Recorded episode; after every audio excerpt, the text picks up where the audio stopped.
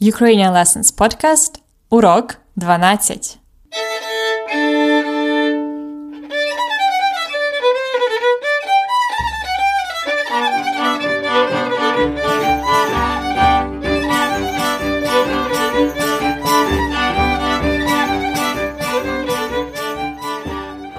Привіт! Це Анна, ваша вчителька української. І сьогодні у нас урок 12. Today we have lesson 12, урок 12. I'd like to start with a small announcement about some new content that we have on ukrainianlessons.com. We have worked very hard and prepared for you a list of 100 most common words in Ukrainian. I think it's very useful for the beginners. You can learn those basic words and phrases and use them a lot because they are very popular. Of course, you won't be able to communicate like a native using only 100 words, but at least you will know what matters the most, the words that are used most of all. Also, to help you to learn those words and their pronunciation, we have prepared a set of flashcards with pictures and audio. I recommend you to try those. You can import them to the app called Anki and learn 100 most common words fast and easy. So this is for free and I, I uh, suggest you go there if you haven't been there and uh, download those flashcards and words. It's at ukrainianlessons.com slash 100 words or ukrainianlessons.com slash 100 words. Last time on the podcast, we have heard a conversation while ordering drinks in Ukrainian.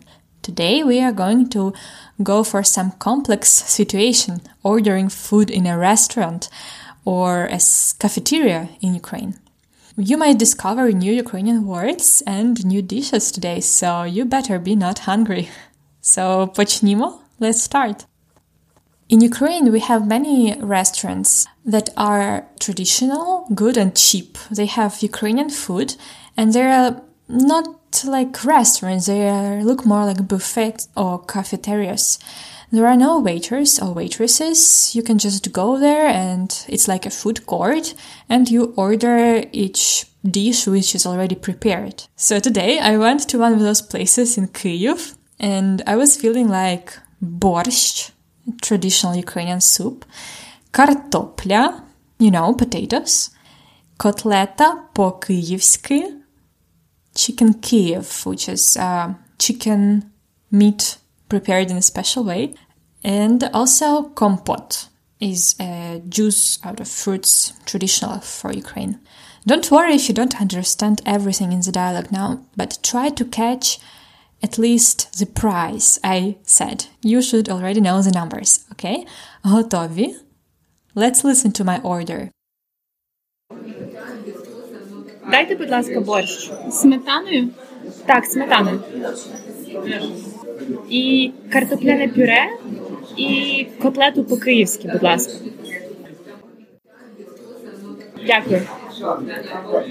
Один борщ, одне пюре, одна котлета і компот.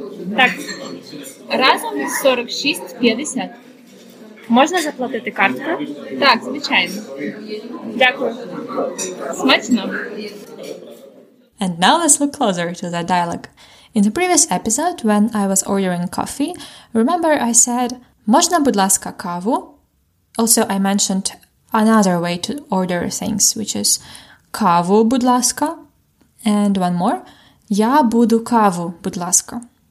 Today I used another expression for ordering, which is also very common. It's дайте, будь ласка, борщ.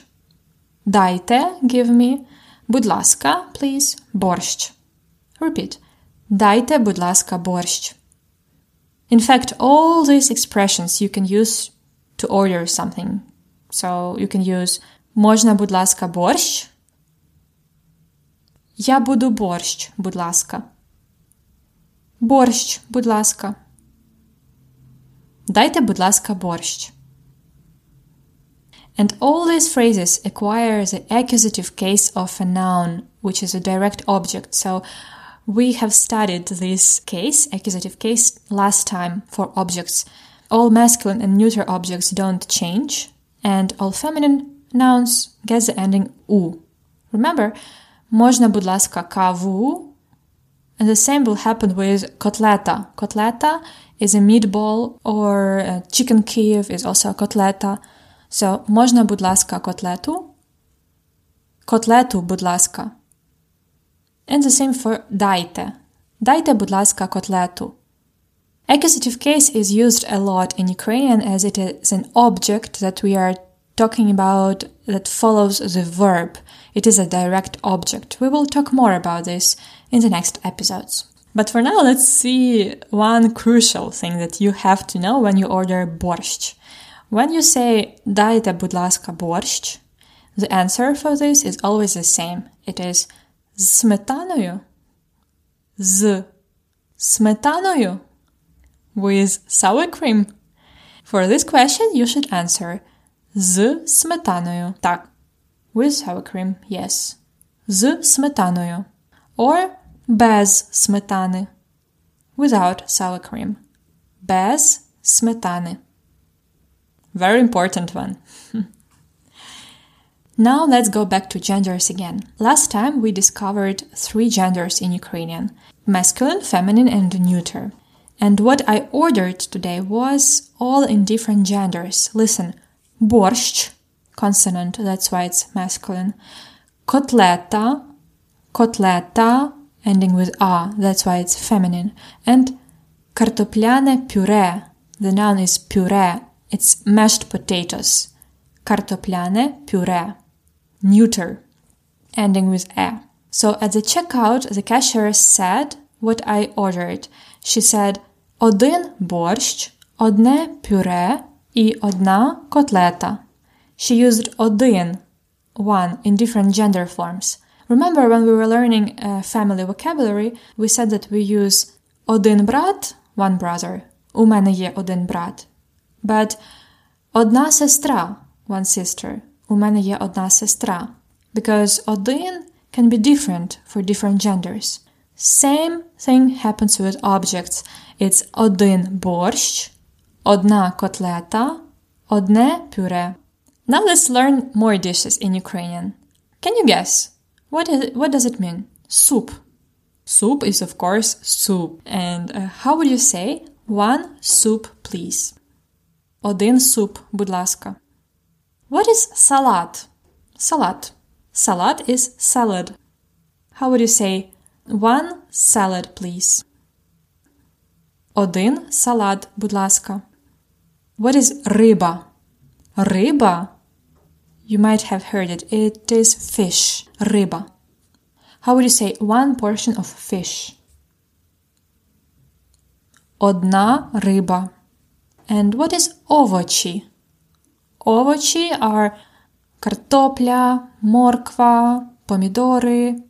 Овочі are vegetables. What do we do with plural, plural vegetables and one? In fact, in Ukrainian, you can say one in plural. Can you believe that? So the form is одні, одні.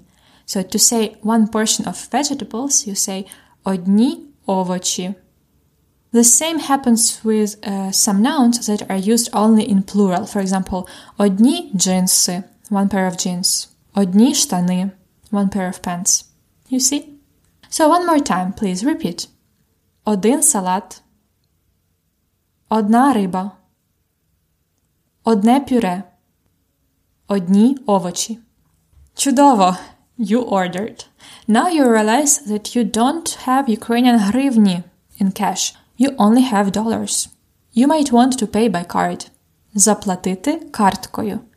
But first, be sure to ask. Можна заплатити карткою? Можна, can I? Заплатити, pay, карткою, by card. Можна заплатити карткою? If the cashier says Так, звичайно. Yes, of course. Then great. But that's not always the case. So please first ask. Можна заплатити карткою?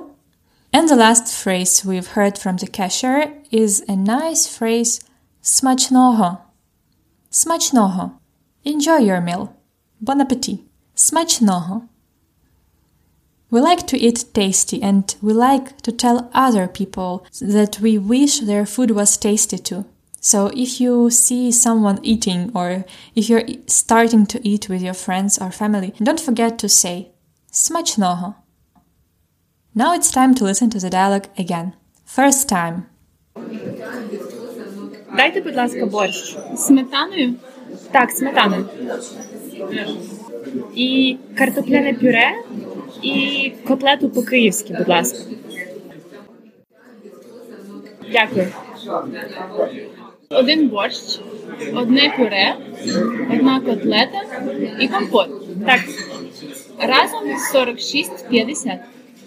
можна заплатити карткою? Так, звичайно. Дякую. Смачно. Second time. Дайте, будь ласка, борщ. Сметаною? Так, сметану. І картопляне пюре, і котлету по-київськи, будь ласка. Дякую. Один борщ, одне пюре, одна котлета і компот. Так, Разом 46,50. можна заплатити карткою? Так, звичайно. Дякую. Смачно.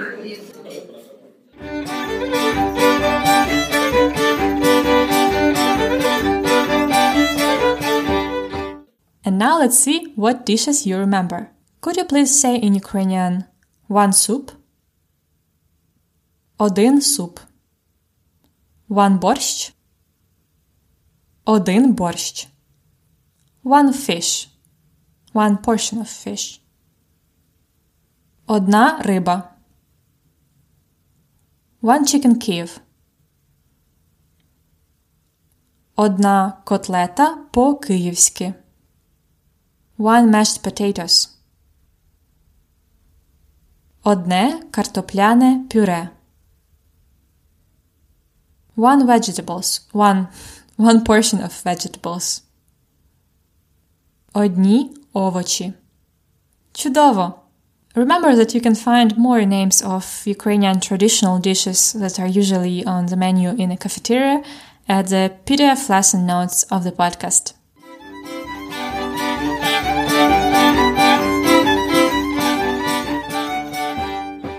Now, some cultural information on Ukrainian Lessons podcast. If you come to Ukraine and you want to eat local traditional food cheap, go to the kind of places that I, you have heard in this uh, dialogue. Anyway, a fancy Ukrainian food restaurant sounds like a joke. We are simple people and our food is cheap because we make it from the products from our gardens, from, from the very local and cheap stuff. So, how do you find those cafeterias? Look for ресторан швидкого харчування, which is a fast food restaurant, or bistro, or їдальня, cafeteria. The most popular chain is Puzata Chata, which means a chata, a house with a big belly. Puzata Chata. It would be the best choice if you're in Kiev. In Lviv, I also like the chain called Час поїсти. Час поїсти is time to eat. Very nice one too. If you have never done this before in Ukraine, you will be surprised by the price and the quality of food there. So, смачного!